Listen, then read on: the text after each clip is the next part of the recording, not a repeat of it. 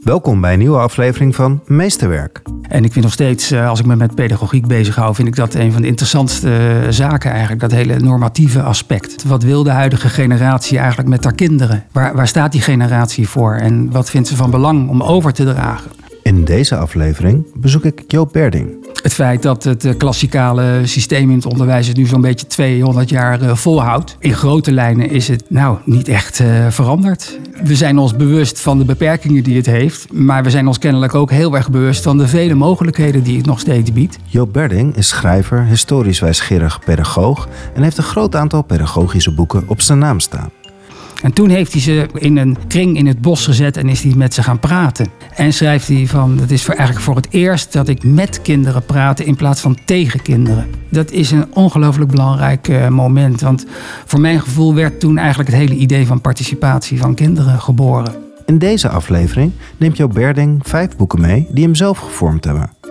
Luister mee langs Cornelis Verhoeven, John Dewey, Janus Kortzak, Hannah Arendt en Virginia Woolf de echte, werkelijke ervaringen en problemen van wat betekent het om nou eigenlijk een opvoeder eh, te zijn.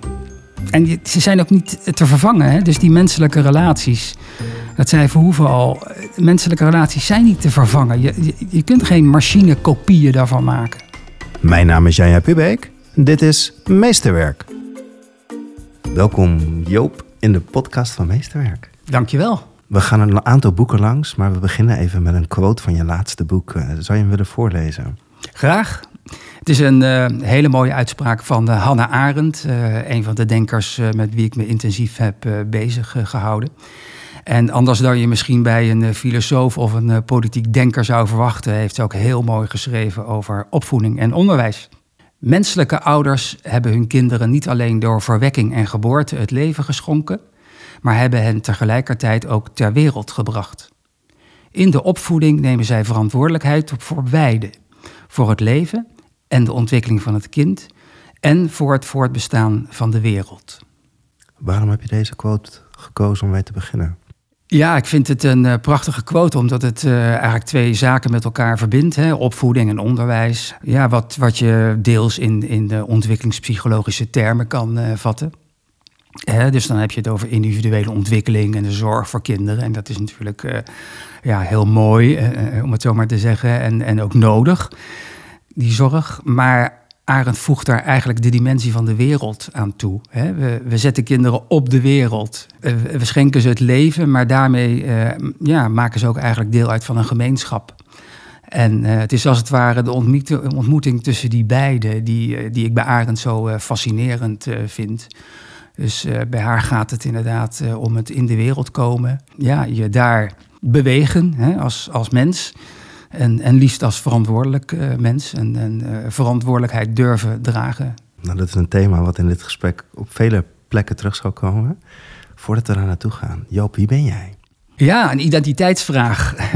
Ja, en, hoe zou je jezelf omschrijven? Ja, ik zou mezelf omschrijven als een bijna 69-jarige uh, man, witte man, geboren uh, in de jaren 50. Uh, ook in de tijd waarin de verzuiling hoogtij vierde. Hè, waarin je de katholieke, eigenlijk moet ik zeggen rooms-katholieke zuil, de protestants-christelijke zuil en nog vele andere zuilen had.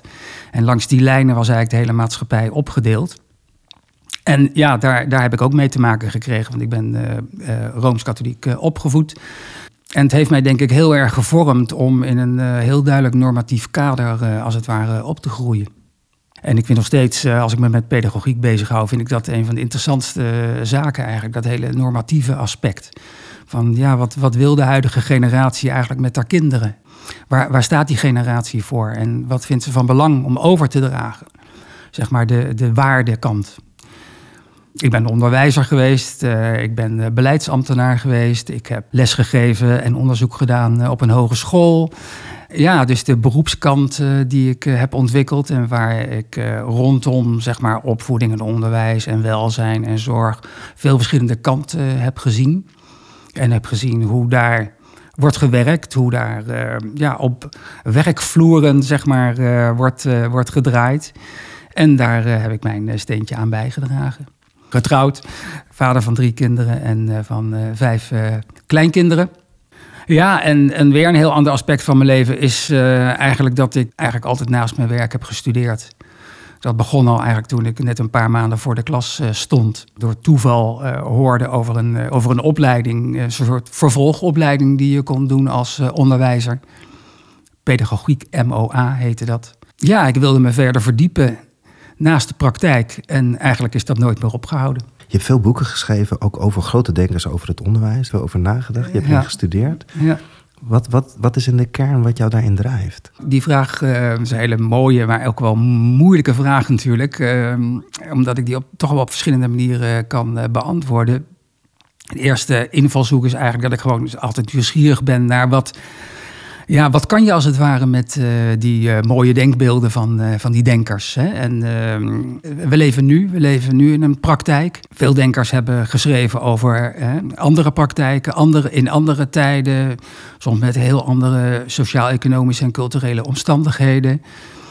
Politieke omstandigheden ook. Dus, dus een, een, een, vraag die, ja, die, waardoor ik wel word gedreven, is mijn nieuwsgierigheid naar van ja, oké, heel simpel gezegd, wat kan je daar dan mee? Dat hoeft niet eens altijd te zijn van um, wat kan je er nou mee, hè, zeg maar volgende week uh, in de klas. Het kan ook zijn wat kan je ermee om een denkruimte te openen. Ik denk dat dat minstens zo belangrijk is. En dan zie ik dat uh, verschillende denkers waar ik me mee bezig hou, dat die inderdaad uh, ja, soms hele onverwachte denkruimtes openen. In de zin van andere interpretaties geven van nou, bijvoorbeeld de taal die we gebruiken of de praktijken waar we in geïnvolveerd zijn. En wat ik dan heel spannend vind, is eigenlijk dat je daarmee uh, gewoon een heel andere blik kunt krijgen op, ten eerste op je eigen denken. Hè, de, de manier waarop je tegen de zaken aankijkt. Maar ook die praktijk, dat je misschien die eens een keer met andere ogen ziet en denkt van hé, hey, laat ik het eens anders proberen of zou het ook anders uh, kunnen. Zat er ook een soort verlangen achter van hey, goh, in de klas of in de scholen kunnen we wat ruimer over zaken denken. Wilde je ook het, het denken oprekken daarmee?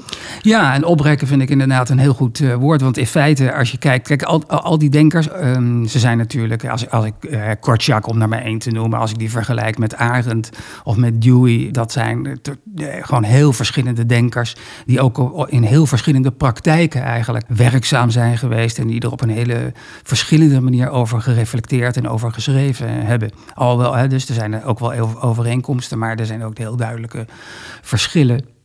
Dus je kan niet zomaar zeggen van nou één op één van hè, ik, ik, ik trek dat door naar de, de alledaagse praktijk van, uh, van nu. Wat je wel kan doen is jezelf bewust zijn dat uh, als je, zeker wanneer je een tijdje in het onderwijs uh, werkt, dat je moet uitkijken dat je niet als het ware heel trots gaat zijn op je ervaring die je dan hebt.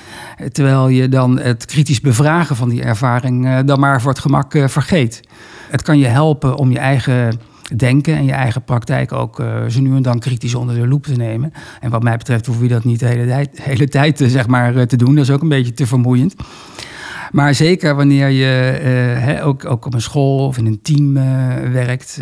ik denk dat het goed is om ze nu en dan eens kritisch naar die eigen praktijk te kijken. En te denken van hé, hey, ja, hoe zijn we bezig?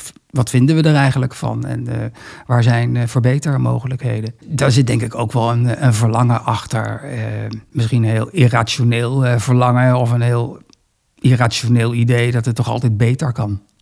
En dat is eigenlijk wel een valkuil, want voor je het weet ben je alleen nog maar met verbeteren bezig. of um, innovatie, zoals het natuurlijk tegenwoordig moet worden genoemd. En ja, ik kijk daar toch wel soms ook met een glimlach naar. Ehm, we denken wel dat bijvoorbeeld door uh, ja, allerlei taal te gebruiken, nieuwe begrippen te introduceren, dat, dat we daarmee zeg maar uh, praktijken kunnen veranderen. Maar praktijken zijn voor een deel ook heel weerbarstig en, en laten zich niet zomaar omturnen. Dat zie je bijvoorbeeld aan het feit dat het klassikale systeem in het onderwijs het nu zo'n beetje 200 jaar volhoudt.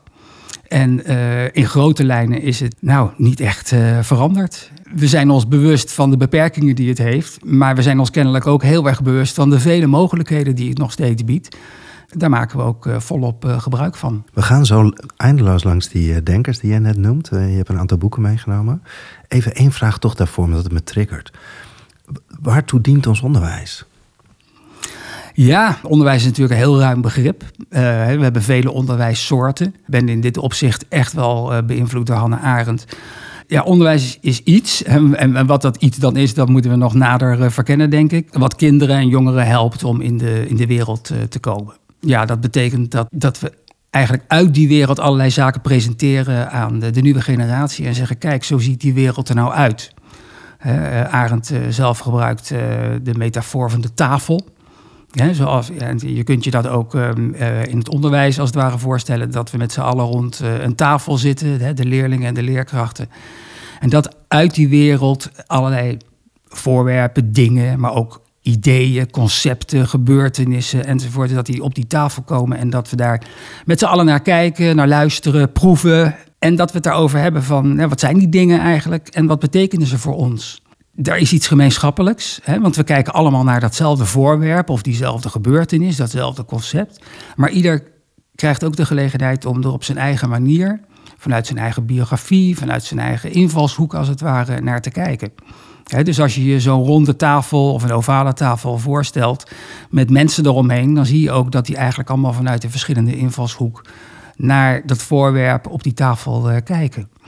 Ja, dat wat de een ziet, ook niet noodzakelijk hetzelfde is als wat de ander ziet. En daar kun je een gesprek over met elkaar uh, hebben. En zou je misschien denken van, ja goed, uh, hoe zit het dan met spelling? Daar zijn toch gewoon regels voor, die vertel je toch aan de kinderen?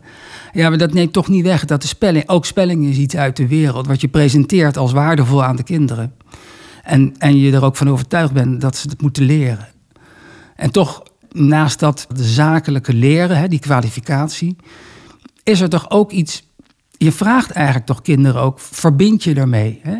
Het interessant of vind het spannend of vind het leuk? Of, maar verbind je er op de een of andere manier mee. Dus hè, de, het persoonlijke element is, komt altijd in het geding, hoe dan ook. Wat je ook presenteert. Wat er ook vanuit die wereld uh, de school in komt. Het is altijd een kwestie van inderdaad erover leren. De vaardighedenkant, de, uh, de kenniskant, het kennismaken. Maar het is ook altijd van verbind je ermee? En, en eigenlijk de vraag, wat betekent dit voor jou? En die vraag die moeten we wel blijven stellen. Want anders verdwijnen er als het ware subjecten uit het onderwijs. En dan wordt het een uh, soort robotisering. En dat is echt de rol aan de leraar. Ja, daarom bij dat in de wereld komen uh, spelen opvoeders en zeker ook leraren spelen inderdaad, ja, wat je dan kunt noemen, een bemiddelende rol. Ze vormen deels ook een soort filter om te bekijken van ja, wat, wat, wat is er nou eigenlijk van waarde? Hoe presenteer ik het? Er zit natuurlijk ook een didactische kant aan. Hoe presenteer ik het aan de kinderen? Opdat en zodat kinderen ermee kunnen gaan werken en zich als het ware daaraan kunnen gaan uh, ontwikkelen en, en, en zichzelf vormen. Je gebruikt het net al. Uh, je had het over je eigen nieuwsgierigheid. Mm -hmm. Het eerste boek wat je meegenomen hebt is uh, Cornelis Verhoeven, Inleiding tot de Verwondering. En daar zet hij eigenlijk verwondering tegenover nieuwsgierig. Het boek is uit 1974. Ja. Waarom heb je het boek als eerste meegenomen? Nou, het is eigenlijk een, een boek wat uh, dus al heel lang met me meegaat. Uh, omdat ik het in 1974 inderdaad kocht. Ik zag dat inderdaad in de winkel, in de boekwinkel liggen. Inleiding tot de verwondering van een zekere Korn Verhoeven. Want dat stond nog op de, op de kaft. Ik dacht, nou, wat is dat? Wat een, wat een merkwaardige titel. Ik kocht het en ik begon eraan en ik werd erdoor gegrepen. Omdat het helemaal geen inleiding was in de, in de traditionele zin. Uh, dat schrijft hij zelf ook van, uh, nou ik ga uh, niet hier een soort van de geschiedenis van de filosofie een beetje samenvatten. Dat is maar oppervlakkig gedoe. Ik ga gewoon zelf hardop filosoferen. En dat hardop filosoferen, dat schrijf ik eigenlijk op. En dat is precies wat er in dat boek gebeurt. En dat, ja, ik, ik had eigenlijk nauwelijks iets van filosofie gelezen. Het, het boeide me wel heel erg. Maar ik was natuurlijk een compleet groentje. Ik was net twintig. Ik had echt nog nauwelijks iets gelezen op dat gebied. Dus om zo'n boek, ja, dat was gewoon bijna overweldigend.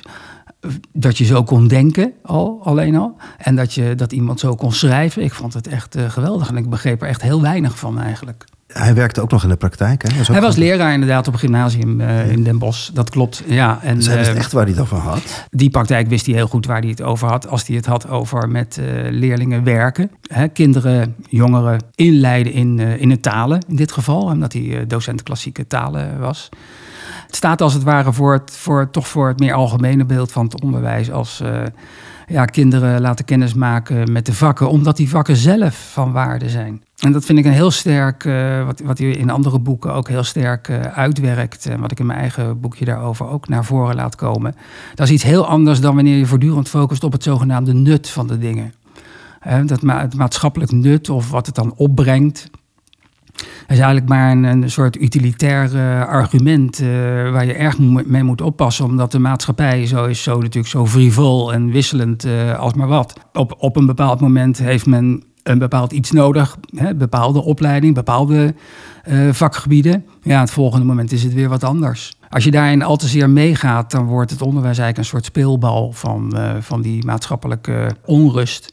En daarom pleit hij heel erg, en dat, ja, ik vind dat echt, uh, dat ondersteun ik ook echt heel sterk. Hij pleit voor de eigen waarde van vakken om de intrinsieke waarde die hij daar zelf in ziet. Omdat het een kennisgebied is, omdat er veel geschiedenis en, en uh, inzichten en cultuur als het ware in liggen opgeslagen. En daarmee laat je leerlingen werken en laat je ze mee kennis maken. En dan kunnen ze altijd zelf nog bepalen van nou, ik vind dit, dit vakgebied is, ja, past niet zozeer bij mij. Maar dat geeft de kinderen en de jongeren daar zelf de kans voor. In het kleine zit het grote eigenlijk, hè? Ja, het kleine zit in dit geval het grote. En het interessante is ook wel dat hij dat ook nog op een andere manier zegt. Eh, omdat hij heel erg pleit voor wat hij dan de specialist eh, noemt. En die zet hij als het ware af tegen de generalist die uh, van een heleboel dingen een heel klein beetje weet. En eigenlijk dus heel erg op, oppervlakkig is. Dus iemand uh, die uh, alleen maar een soort algemene vorming heeft ondergaan. Die, ja, die weet over een heleboel dingen mee te praten. Maar de specialist Alhoewel je dus zou denken van die weet alles over een heel klein gebied. Die kan toch, als je met zo iemand in gesprek gaat, ook over een heleboel andere dingen meepraten. Dat is wel een heel interessant uh, pleidooi eigenlijk. Ik, ik, vertaal het zo om, om voorbij die oppervlakkigheid uh, te komen en echt goed in vakgebieden te duiken. En dan weet je dat met, zo'n pleidooi dat daar heel veel tijd en ruimte en geduld voor uh, nodig is. En dat is precies ook het pleidooi van Verhoeven. En dat is natuurlijk uiterst actueel. Ik heb ook het idee dat mensen weer het op hebben gehaald. Maar waarom heeft het jou dan zo geraakt? Of hoe heeft de doorwerking in jouw vorming? Je zegt, ik was jong toen ik het las. Ja, het is heel lang met me meegegaan. Het is, uh, uh, dus nadat ik uh, Inleiding tot de Verwondering had gelezen, heb ik nog wel meer van hem, meer bundels gelezen met prachtige essays die helemaal niet over filosofie gaan, maar over levensgebeurtenissen bijvoorbeeld, zoals het, het jonge leven van zijn, van zijn twee kinderen of het overlijden van zijn vader prachtige, uh, hele mooie fenomenologische essays eigenlijk. Dat alleen al, de, zeg maar de taal, de kracht van de taal in die zin, uh, dat sprak me heel en spreekt me ook heel erg aan. Zo rond 2018, 2019 wilde ik heel graag een boek over geduld schrijven. Omdat ik, ja, ik zag om me heen eigenlijk veel onrust, veel haast, veel ja, eigenlijk gebrek aan geduld. En ik had het idee van, nou, dit, dit, wat is er nou precies aan de hand? En toen, uh, ja, toen duikelde ik eigenlijk uh, Verhoeven weer op. En uh, zag ik tot mijn eigen verrassing eigenlijk... dat hij in de inleiding tot de verwondering...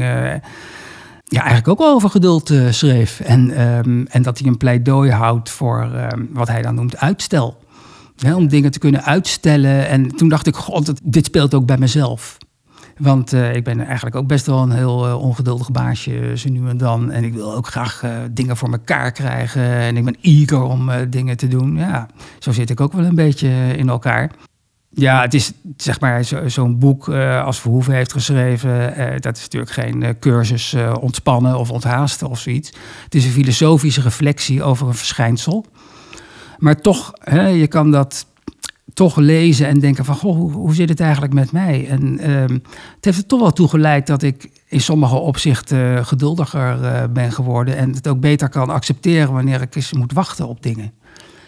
En grappig genoeg uh, zie ik dat bijvoorbeeld in het verkeer, dan ehm, neem ik er gewoon de tijd voor als het stoplicht op rood staat. En op de fiets en links en rechts word je ingehaald door iedereen die geen geduld heeft. Maar ik sta daar rustig naar te kijken en ik denk, goh, ja, Lekker weertje vandaag. Het heeft precies hetzelfde effect bij mij gehad. Jij schreef over, en ik was er al mee in aanraking gekomen door Hester IJsseling met haar, uh, vanuit haar lectoraat. Ergens kwam ik van jou de zin tegen, ja, quote hem dan, uh, houd die stilte, die verwondering even uit. Ga niet te snel over naar die nieuwsgierige vragen. Ja. Blijf bij die verwondering. Ja, inderdaad. Dus Sta even stil. Sta even stil, ja. ja. Dat is inderdaad, het is goed dat je daar nog even op terugkomt. Over dat, dat verschil tussen verwondering en nieuwsgierigheid. Ik, kijk, het zijn alle twee een soort ervaringen, zou je kunnen zeggen. Hè? Dus, maar de verwondering echt is, is iets wat je overkomt.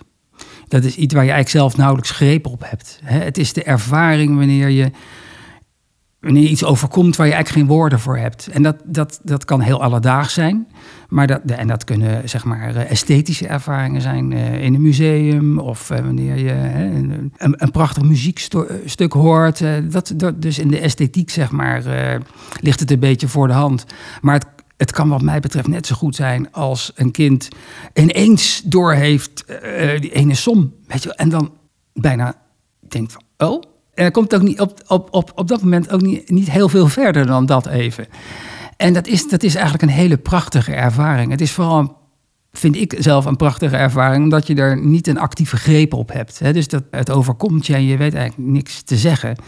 En dat is toch een andere ervaring dan die nieuwsgierigheid. En die is ook fantastisch eh, om dingen uit te zoeken en eh, hè, erop af te gaan. En dat is ook, denk ik, veel taliger dan eh, verwondering.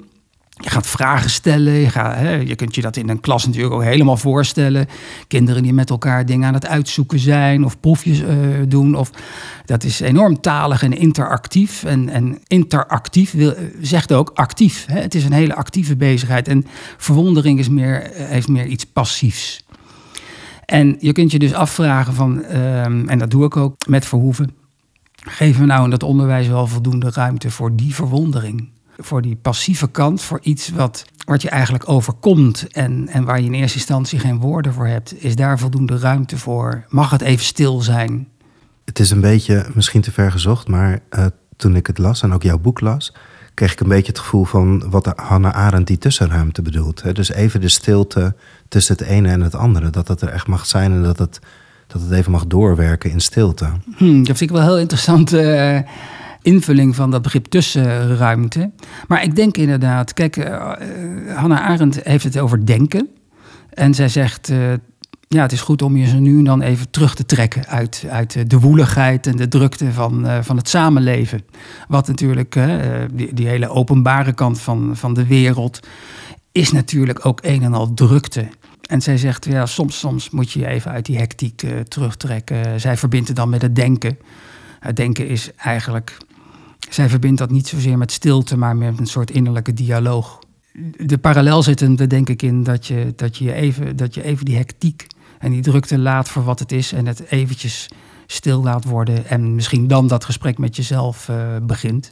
Wat ik er als een soort gemeenschappelijke noemer in eh, vind, is dat eh, de dingen ook een andere betekenis kunnen krijgen wanneer ze uit stilte beginnen, vanuit stilte. Heb ik ook mooie voorbeelden van gezien eh, in het onderwijs. Eh, hoe leraren inderdaad wachten tot het stil is in een groep. En daar zelf ook niet al te veel woorden aan besteden dat het stil moet worden. Maar gewoon het stil laten worden. En dan beginnen met waar ze mee willen beginnen. Toch even de relatie met, met het hedendaagse onderwijs. Eh, Verhoeven zegt ook, het onderwijs is afgezakt, afgedwaald, tot slaaf gemaakt. Het moet eigenlijk vrij spel krijgen. Eh, Misschien gaat hij hier eh, net een klein stapje te ver. Hè? Want ehm, helemaal autonoom eh, kan het onderwijs natuurlijk ook niet zijn. Het is een, je zou kunnen zeggen, misschien met Dewey, van het is ook een functie, het is ook een maatschappelijke functie. Het, is een, het, is, het is een institutie die we hebben ingesteld met een bepaald doel, namelijk intergenerationeel.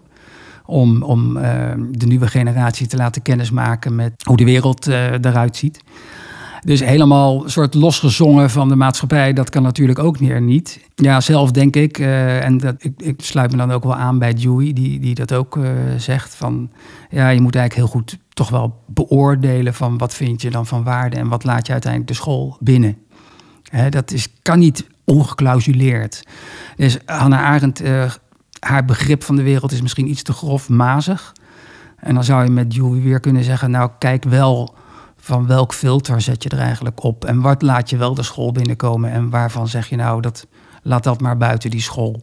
Je maakt zelf eigenlijk al de overstap. Hè? Je tweede boek wat je hebt meegenomen is Democracy in Education van Dewey. Wat, wat, wat Dewey, Dewey eigenlijk doet is heel interessant, omdat hij, eh, ja, hij, heeft, hij heeft een filosofie, dat die heet dan het pragmatisme of instrumentalisme. En wat hij probeert is dat toe te passen op het onderwijs. Of je zou kunnen zeggen, ehm, de, ook een pedagogische praktijk, een onderwijspraktijk. Een school zit vol met filosofische noties, met concepten, met ideeën. En hij probeert die als het ware organisch op, elkaar te betrekken. En hij vertrekt dan eigenlijk als het gaat over van ja, waar gaat het nou in het onderwijs om? En vertrekt hij eigenlijk uit vanuit de ervaringen die kinderen zelf hebben. En hij doet dat omdat hij als het ware probeert voorbij te komen van aan de ene kant leerstof, hè, leerinhouden, cultuur zou je kunnen zeggen. En aan de andere kant heb je opgroeiende kinderen. En wat er heel vaak wordt gedaan, uh, zegt Dewey, en ik, ik denk dat dat wel klopt, is wordt of heel erg op de een, als het ware gefocust van hè, het draait helemaal om de leerinhouden. Of dat, eh, zeg maar, de andere extreme kant van, nou, zeg maar, kindgecentreerd. Dus alles draait om het kind, om, om, de, om, om, om, om, de nieuwsgierigheid van het kind, om het leervermogen van het kind. En Dewey zegt eigenlijk, nou ja, als je nou kijkt naar wat de verbinding is tussen die twee, dan, dan kom je eigenlijk op het begrip ervaring. Nou, bij kinderen kan je dat uh, heel makkelijk zien eigenlijk, omdat ja, kinderen zijn natuurlijk volop bezig, die doen uh, enorm veel ervaringen op, van jongs af aan eigenlijk al. Maar bij dat hele cultuuridee, dat is eigenlijk ietsje moeilijker te vatten, denk ik. Maar hij zegt van ja, ook wat we hebben aan kennis, aan inzichten, dat is eigenlijk ook allemaal gestoeld op menselijke ervaring. Dat is niet uit de hemel komen vallen. Dat is gestoeld op menselijke ervaring die weer heeft geleid tot kennis. En die kennis is opgeslagen, als het ware. En dat is het soort cultuurgoed waarmee we kinderen laten kennismaken. Dus als we nou eens proberen uit te gaan van de ervaring van kinderen zelf, misschien kunnen we dan wel de verbinding maken met dat grotere kennisgeheel. En kunnen we kinderen inderdaad ook meenemen eh, naar naar die systematische opbouw van kennis. Dus de school heeft een, bij Dewey een, ehm, een, een, echt ook wel een intellectuele opdracht om samen met kinderen te werken aan ehm, nou ja, de ontwikkeling van hun, eh, hun kennisbestand. En dat betekent dat ehm, we dus zeker niet gaan, gaan focussen op uh, nou, wat kinderen allemaal willen, maar dat we proberen die twee eigenlijk vanuit één samenhangende visie uh, verder uh, te brengen. Ik vat het nu echt heel kort samen. Wat ik heel interessant vind is dat Dewey zelf ook een experimentele lagere school heeft uh, geleid in Chicago, zo rond de eeuwwisseling 1900. En dat hij eigenlijk als je het vanuit Europa bekijkt, dat hij met ongeveer dezelfde dingen bezig was als hier de hele reformpedagogiek. Uh, waar mensen als Petersen en Montessori en deels ook wel Steiner mee verbonden waren. Dus je ziet eigenlijk dan een, een beweging om ja, het onderwijs en, en de, de, maatschappij op de een of andere manier bij elkaar uh, te brengen. Ik vind uh, uh, nog steeds dat Dewey daar een heel interessante poging toe doet. Ja, het is ook nog steeds heel actueel eigenlijk. Hè? Ja, nou ja. Die polarisatie zie je nog steeds. Je ziet, ik weet niet of het typisch is voor het Nederlandse onderwijs en onderwijsbelijd. Dat er een soort golfbewegingen zijn dat uh, dan weer meer uh, de leerstof uh, centraal staat. dan krijgen we zeg een sterke focus op de vakken hè, die moeten worden onderwezen. En dan krijg je een golf, ja, een, soort, een soort reactie erop, een golf die zegt: ja, je kan al die vakken wel onderwijzen. Maar aan wie onderwijs je ze eigenlijk? Het zijn tot kinderen. Wat willen die eigenlijk? En dan, dan lijkt het wel alsof er dan alleen nog maar een soort extre één extreem is. Dan, dan, dan krijg je kindgecentreerd onderwijs. En dan, ja, dan is het de kwestie van, nou ja, wat willen jullie leren? Hè? En dus dan schiet het eigenlijk weer daardoor. En dan is daar natuurlijk ook een reactie op die, ehm, die, die vraagt zich af... ja, maar we hadden toch ook nog een leraar? Wat, uh, wat, moeten we daar nou weer mee? Hè? Dan, dan krijg je weer een soort. Ja, het gaat erom dat de leraar centraal staat. Want van, van hem of haar, ja, daar gaat eigenlijk alles van uit. Dat is die bemiddelende rol. Ik denk zelf dat het om toch om, om alle drie gaat. En dat je steeds moet uh, blijven zoeken hè, um, naar, naar een soort evenwicht. Je hebt, je hebt inderdaad die vakken nodig. Het is gewoon cultuur. Laten we kinderen ja, in opgroeien. En uh, daar laten we ze kennis mee maken. We leiden ze in, in die, in die kennis. Maar het zijn robots. Het zijn mensen die ook wat willen. Dat is al een heel, eigenlijk een inzicht van Langeveld uh, uit de jaren 40, 50. Van, uh, ja, kinderen zijn zelf ook iemand hè, die iets willen. Wat willen ze dan? Hoe, hoe willen ze zich verbinden met wat wij aanbieden? En wij, dat is dan even in het onderwijs natuurlijk de leraar en, en een team of een school in zijn, als institutie ook, waar die voor staat. Dus je hebt die driehoek als het ware. Het is eigenlijk een hele klassiek idee. Je hebt die driehoek, je hebt ze alle drie nodig. Nou heb je een aantal boeken over hem geschreven. Heb je ook echt dat bewust gedaan om dat gedachtegoed ook voor mij begrijpelijk te maken. Je hebt er ook een boodschap mee, zowel met, met Cornelis Verhoeven als met, uh, met Dewey. Was dat een, uh, of wil je het eigenlijk zelf ook, ook begrijpen? Nou, ik heb even aanhakend aan mijn bundel met vertalingen van werk van Dewey. Dat was echt wel de behoefte om Dewey meer in het Nederlandse onderwijsdiscours ook te laten landen, als het ware. omdat er maar heel weinig van hem vertaald is. Wat er vertaald was, dat was echt ontzettend lang uh, geleden. Dus ik dacht, nou, ik, ik, ik zit gewoon heel goed in dat uh, oeuvre van uh, Dewey. Zeker waar het de onderwijskant en de onderwijsfilosofie betreft. Ik, ik kies, nou in totaal geloof ik iets van twintig teksten, kies ik uit. Uit die hele lange loopbaan van Dewey. En ik ga die vertalen. Dus daar ben ik een jaartje lekker mee bezig geweest. onder andere ook zes hoofdstukken uit Democracy in Education vertaald. En verder uh, ja, hoofdstukken die, uh, en teksten die gaan over, over spel en over curriculum en over, uh, nou, waar we het net over hadden, ervaring. Um, ook over um, de verhouding tussen wat Dewey dan noemt het individu en de wereld. Maar je vertelt het heel sereen. Sorry dat ik je onderbreek, maar je vertelt heel sereen. Ik vertaal het, ik, ik wil het aan het discours toevoegen. Ja. Er zit geen geen vergezicht, geen oordeel, geen iets onder van hé, hey, of je zegt niet het onderwijs. Wat, wat uh, zegt, het onderwijs is tot slaaf gemaakt, zeg maar. Zo, zo ben je niet veroordelen. Nee, nee, zeker niet. Nee, dat, ik, dat, ik, dat doet ook denk ik geen recht aan gewoon het mooie werk wat er dag in dag uit gebeurt. En soms onder omstandigheden waarvan je denkt van, goh, hoe is het mogelijk dat hier nog onderwijs wordt gegeven? Ik benader het meer vanuit, ehm, waar, ehm, waar, zou het onderwijs nog beter van kunnen worden? Waar zou het van kunnen profiteren? Dat schreef ik al in mijn proefschrift van, wat is het daar? Het is uit 1999. Eh, van, ja, wat, wat is het eigenlijk zonde dat het onderwijs, het Nederlandse onderwijs, zo weinig kennis heeft genomen van die ideeën van uh, Dewey. En dan met name in het, in het Nederlands ook omdat dat gewoon uh, toch uh, ja, uh, toegankelijker is, nog, nog steeds. En nog meer misschien dan, dan in het Engels waarin het geschreven is. Dus ik bedoel, er zit wel een motivatie achter om, om een bijdrage te leveren.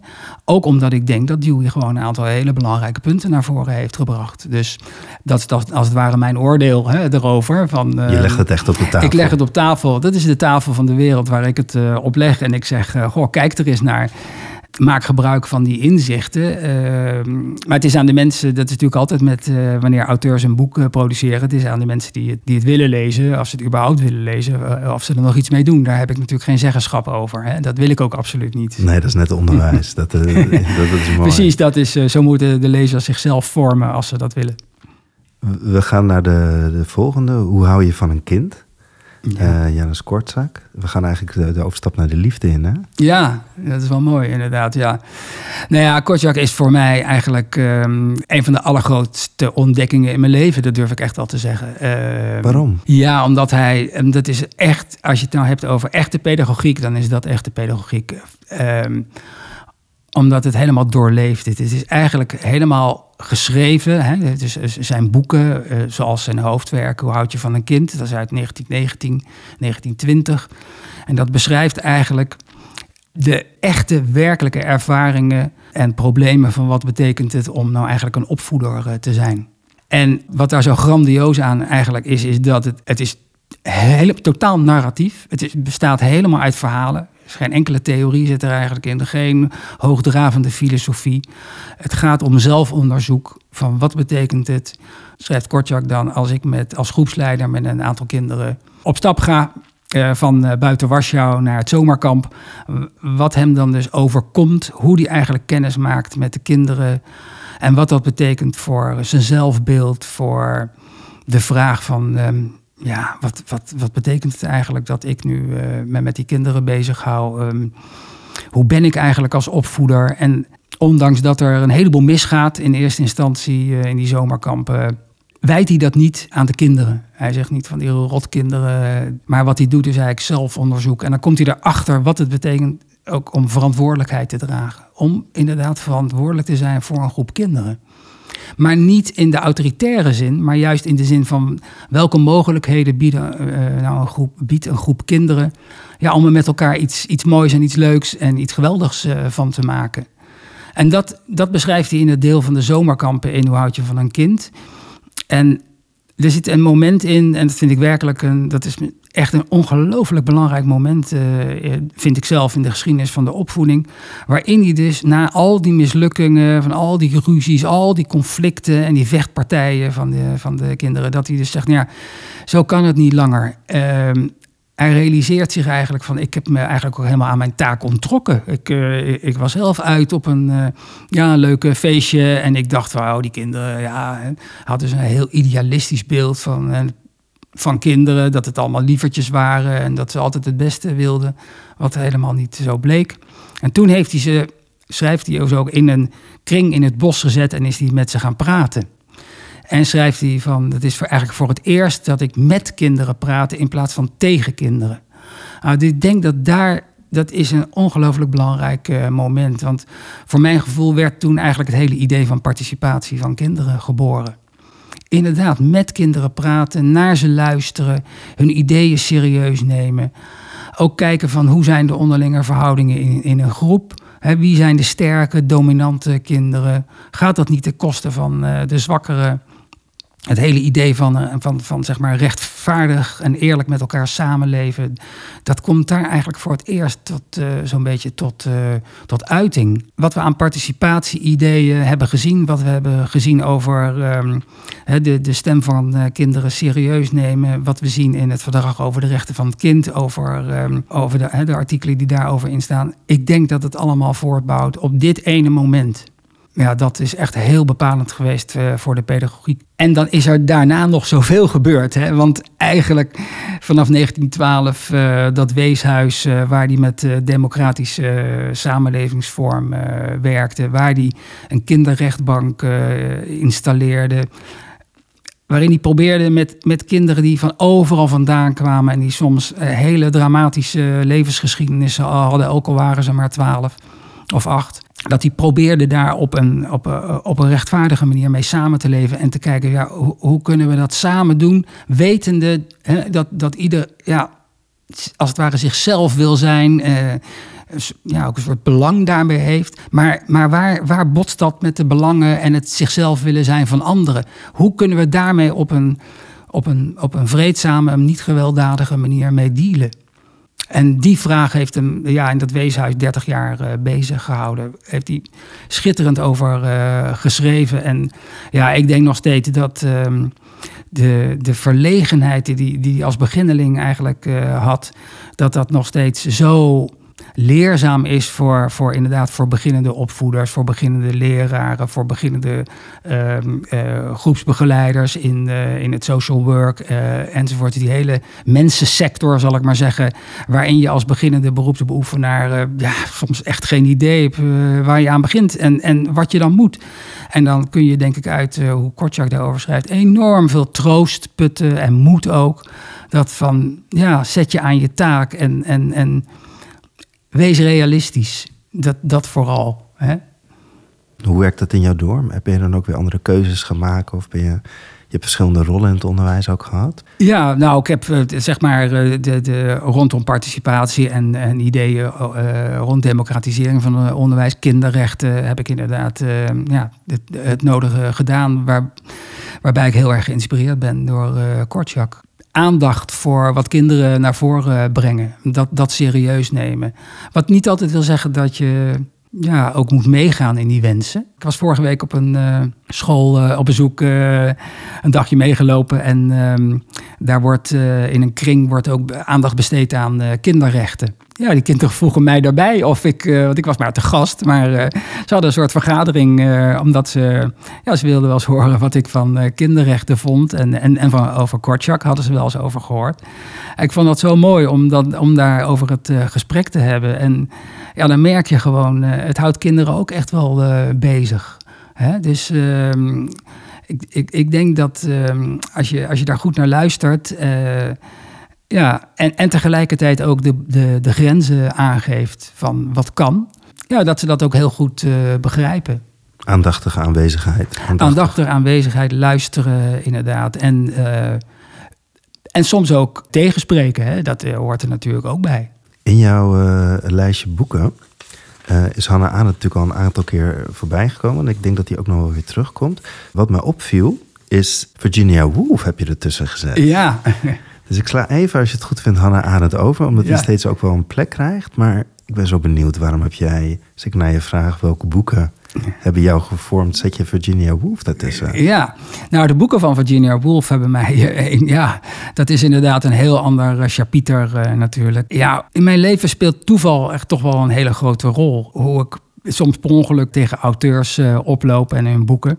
Vaak gaat dat via andere mensen. Of eh, in dit geval Virginia Woolf eh, heeft helemaal een leuke aanloop, omdat ik erg hou van de muziek van Philip Glass, Amerikaans componist Mhm. die eh, veel eh, filmscores heeft geschreven. Waaronder een eh, score voor de film The Hours.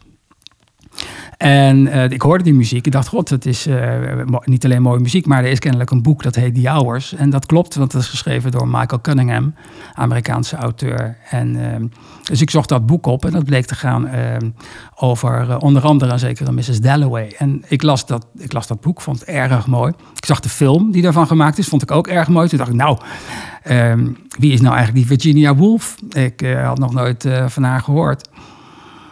En ik dacht, nou, dan moet ik maar eens om te beginnen Mrs. Dalloway lezen. En ik werd helemaal, eh, zeg maar, die roman eh, ingesleurd. Die eh, speelt eh, op één dag in juni 1923 eh, rondom inderdaad mevrouw Dalloway, die een party gaat geven. En gedurende het verhaal maak je kennis met haar, met haar leven en met haar ehm gegaane liefde. Maar je maakt ook kennis met andere figuren die ehm, traumatische ervaringen hebben opgelopen in de Eerste Wereldoorlog. Want dit boek is inderdaad eh, geschreven in eh, 1922, 23, 24 denk ik.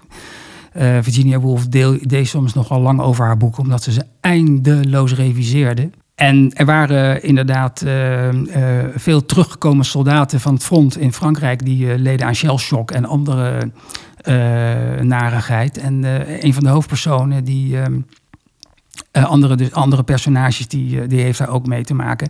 En hun wegen eh, kruisen elkaar ook fysiek in het boek in Londen. Ik vond het een werkelijk overdonderend boek. En ik dacht, god, ja, hier moet ik gewoon meer van weten. Ehm, ik, moet meer, ik, ik wil gewoon meer van haar lezen. En over haar lezen. En ehm, ja, ik moet zeggen, dat is een beetje uit de hand gelopen hobby eh, geworden. Want het is eh, inmiddels een eh, complete boekenkast eh, die zich eh, gevuld heeft. Met eh, niet alleen eh, werk van Woolf, maar ook eh, vele biografieën. Ook werk eh, van en over haar man eh, Leonard Woolf, die eigenlijk een hele eigen literaire carrière eh, en politieke carrière ook heeft eh, gehad. En wat is de trigger dat, dat je er steeds Meer verder- weten, meer weten, meer En wat weten. dan? Wat- ja, wat- Over, die, over die levens, over al, ja, over al die netwerken. die, ze- hè, dus de, de vrienden, de, eh, de verbindingen vanuit, nou ja, zo iemand als Virginia Woolf naar de wereld van de letteren, zogezegd, eh, de literatuur. ehm, ja, de politiek, de cultuur, de muziek, eh, de mensen, de kunst niet te vergeten. Haar zus Vanessa Bell was een, is een, een belangrijke Engelse kunstenaar. Die veel werk heeft eh, geschilderd eh, en gedecoreerd ook. En dat bracht me dan weer op eh, andere mensen die eh, in die hele kunstwereld bezig waren. En ja, zo groeit, groeit en groeit het maar door. Het, is dan een interesse die, die gewoon heel klein begint. En dat is wel bij de andere, bij de, bij de, de vakdenkers waar ik me mee bezighoud, is dat eigenlijk wel vergelijkbaar. Als het me eenmaal grijpt, ja, dan, dan laat ik ook als het ware niet los. Dan wil ik gewoon, je ziet hier achter mij in de boekkast je ook eh, werk van eh, Paul Theroux eh, staan, Amerikaanse schrijver van eh, psychologische romans en, en reisverhalen. ook van Murakami en een aantal andere auteurs. Als ik als me het eerste boek wat ik lees, als dat me grijpt, dan wil ik gewoon alles.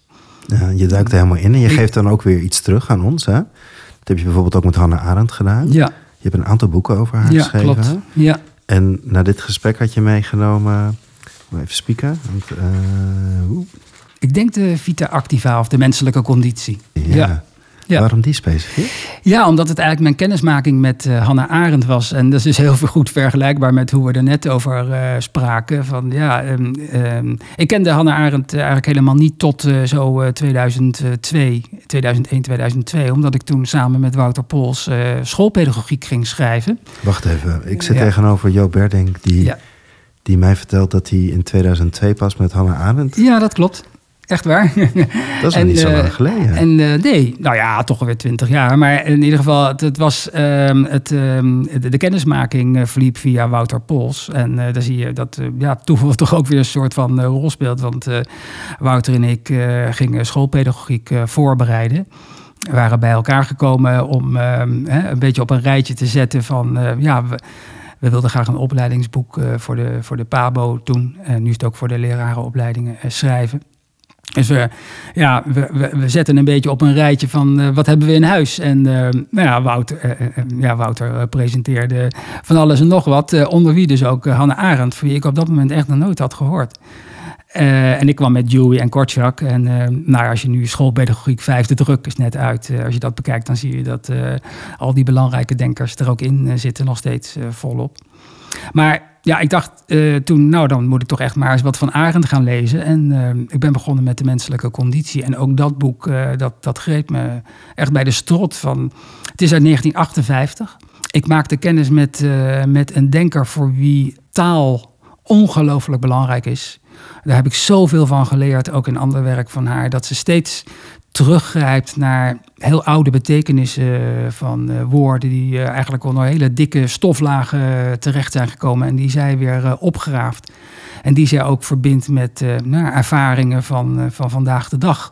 Dus dat hele begrip van die begrippen van arbeiden en werken en handelen, die komen heel prominent naar voren in, in dat boek. En, en er is één hoofdstuk over het menselijk handelen, hè, het spreken, het met elkaar overleggen, uh, die, die hele kant van, ons mens, uh, van onze menselijke existentie zou je kunnen zeggen. Dat is een prachtige tekst, iets van 70 uh, eh, pagina's in druk. En ik heb dat eh, een keertje een ode aan het menselijk handelen genoemd. Omdat het eigenlijk, het stroomt bijna over van, van um, het geluk van, van het met elkaar kunnen praten, met elkaar kunnen uh, communiceren.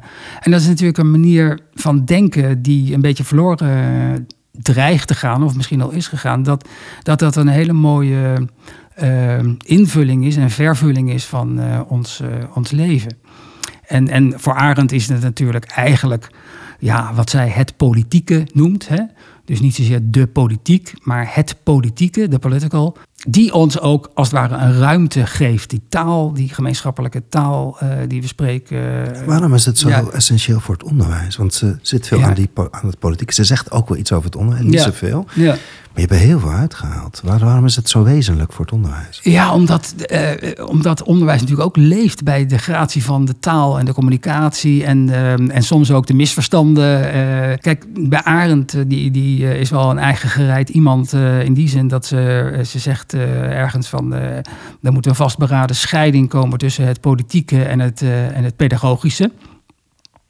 En ze, ik denk dat ze op zich heel interessante en wel goede argumenten daarvoor heeft. Hè, om, deels om bijvoorbeeld ja, het pedagogische en het onderwijs geen speelbal te laten worden van de politiek.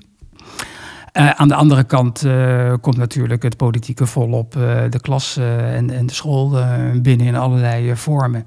Maar, maar meer nog door haar eigen omschrijving van het politieke, dus hè, de, de menselijke communicatie, het spreken met elkaar het ten overstaan van elkaar uh, verschijnen eigenlijk. Ja, dat is natuurlijk wat we voortdurend de hele dag door doen in het onderwijs.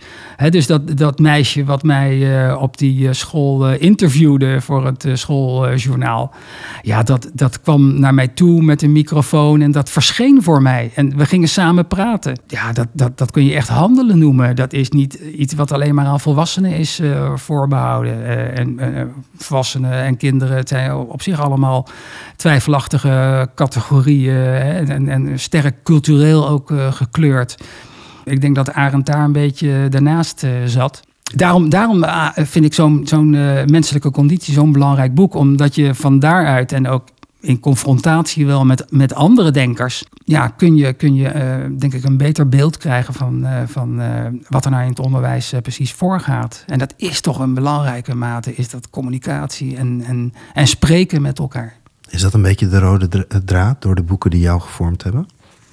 Uh, dat is zeker een van de rode draden. Ja, dat klopt. Dat is dat, uh, dat het gaat om um, ja, met elkaar in interactie zijn. Maar ik vind Verhoeven heeft toch een dimensie daaraan toegevoegd. En dat wil ik toch nog wel zeggen. Dat is toch die dimensie van het meer passieve. Van ja, ik, ik schrijf niet voor niks over onderwijs als geschenk. dus vanuit het kind gezien en dan in relatie tot de leraar, je, je kan het ook benaderen en dat doet Verhoeven. En ik vind dat toch wel ook wel heel uh, interessant en krachtig eigenlijk. Je kan ook zeggen van, ja, uh, het kind ontvangt iets van die leraar. Dan kan je zeggen, ja, dat drukt dat kind in een passieve rol. Maar ik denk dat het ook een heel actieve kant heeft. Maar, maar meer nog, het, het zegt ook iets over de waardigheid van het leraarsvak. Je bent in de positie dat je inderdaad iets aan een kind kunt geven wat het kind kan ontvangen. Ik vind het eigenlijk een heel mooie, mooie invulling. En het, is, ook aan het kind om er iets mee te doen. En het is vervolgens aan het kind om er iets mee te doen. Ik, ik, ik, schrijf dan ook van ja, dat, dat is iets wat we niet in de hand hebben. Hè. Verhoeven noemt dat zelf vorming. En dat is inderdaad wat we, wat we niet in de hand hebben, wat, niet, wat we niet kunnen sturen. En meer nog wat, wat zich pas vaak jaren later openbaart. Dat je ineens denkt van wauw, die geschiedenislessen, ja, ja. Nu zie ik eigenlijk pas van wat die betekende en dat kan met een taal zijn, dat kan met een, ehm, een, een beta-vak zijn. De, de, het vak op zich maakt eigenlijk niet uit. Het kan jaren duren voor, voordat je echt daar ziet wat het voor jezelf uh, betekent.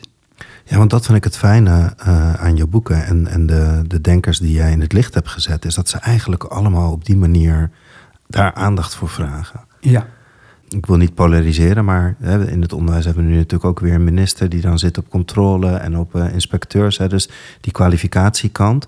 Maar je, doet zo'n appel in jouw boeken ook op dat andere deel. Hè, die, die rust, die vertraging, dat geschenk. Uh, Gert Biesta gaat daar eigenlijk ook op door. Hè? Die, uh, die, die stapt daar ook echt op in. Ja, ja, dat klopt. Ik denk dat als, um, als daar geen aandacht meer voor is, dan komen we eigenlijk in een hele rare situatie terecht, namelijk onderwijs zonder leerlingen. Um, en dat dreigt ook al een beetje met, uh, met de jongste ontwikkelingen rond uh, chat, uh, GPT en dat soort programma's. Die eigenlijk, ja, ik, ik, ik ben daar niet zo vrolijk over gestemd. vooral vanuit het perspectief van de persoonlijke betrokkenheid van leerlingen. En je ergens voor willen inspannen betekent het, denk ik, dat dit soort programma's het mogelijk maken om een soort ehm, ja, persoonlijke prestaties te leveren. En uh, ik heb in, in, een ingezonden stuk uh, recent heb ik dat uh, zieloze productie genoemd.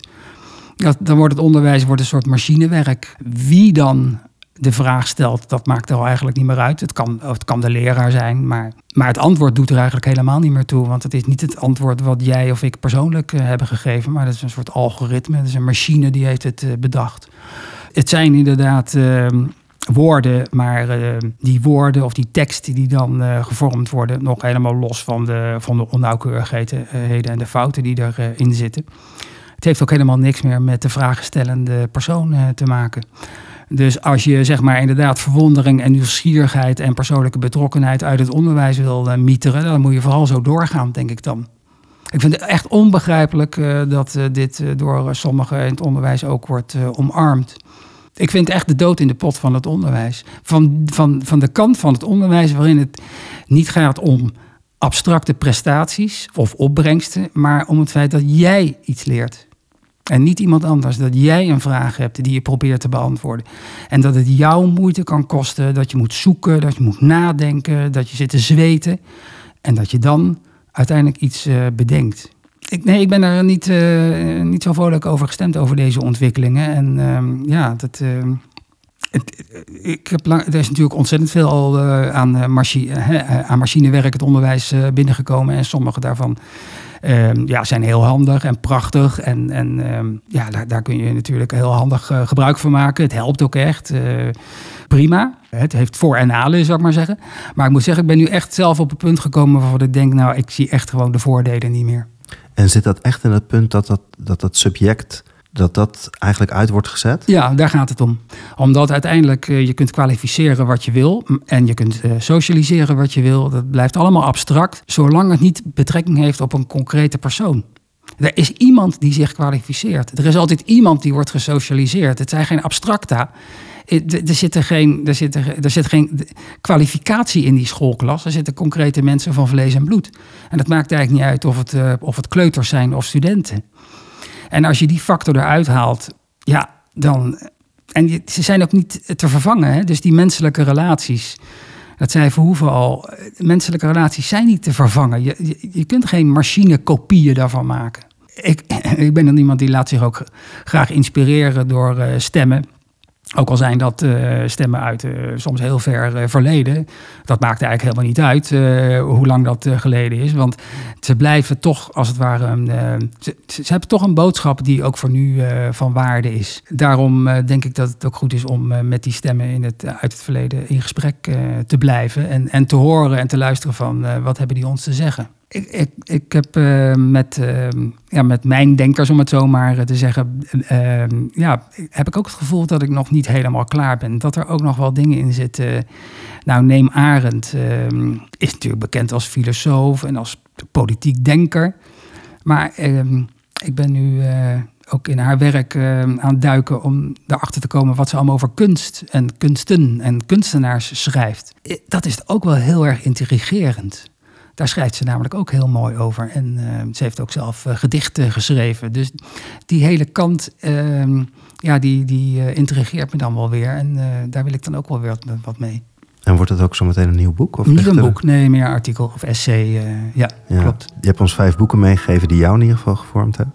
Zou je misschien de luisteraar een, aan het eind nog een quote willen meegeven... waar als je deze podcast afsluit zo meteen nog verder over door kan denken? Is er een van deze schrijvers of boeken voorlezen? Jij pakt Verhoeven. Ik pak nu even Verhoeven, inderdaad.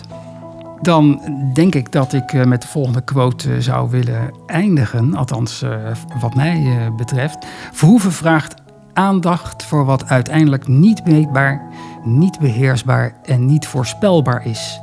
En hij vindt precies daarin de kern van het onderwijs. Verhoeven is ervan overtuigd dat de opdracht van het onderwijs is om kinderen en jongeren in te leiden in een oude wereld. De filosofie, nog het onderwijs, is er om de wereld te verbeteren. Met behulp van filosofie kunnen we hooguit het mysterie dat de wereld is, enigszins bewoonbaar maken en onze leerlingen hierin introduceren en erop vertrouwen dat het goed komt. Joop, dank je wel voor jouw persoonlijke verhaal... naar aanleiding van vijf boeken... om een beetje een inkijk te krijgen wie de man is van het, de mooie boeken die je ons geeft. Dank je wel. Dankjewel voor alle vragen. Meer podcastafleveringen van Meesterwerk zijn te beluisteren via Spotify, iTunes, Soundcloud of kijk op janjapubeek.nl.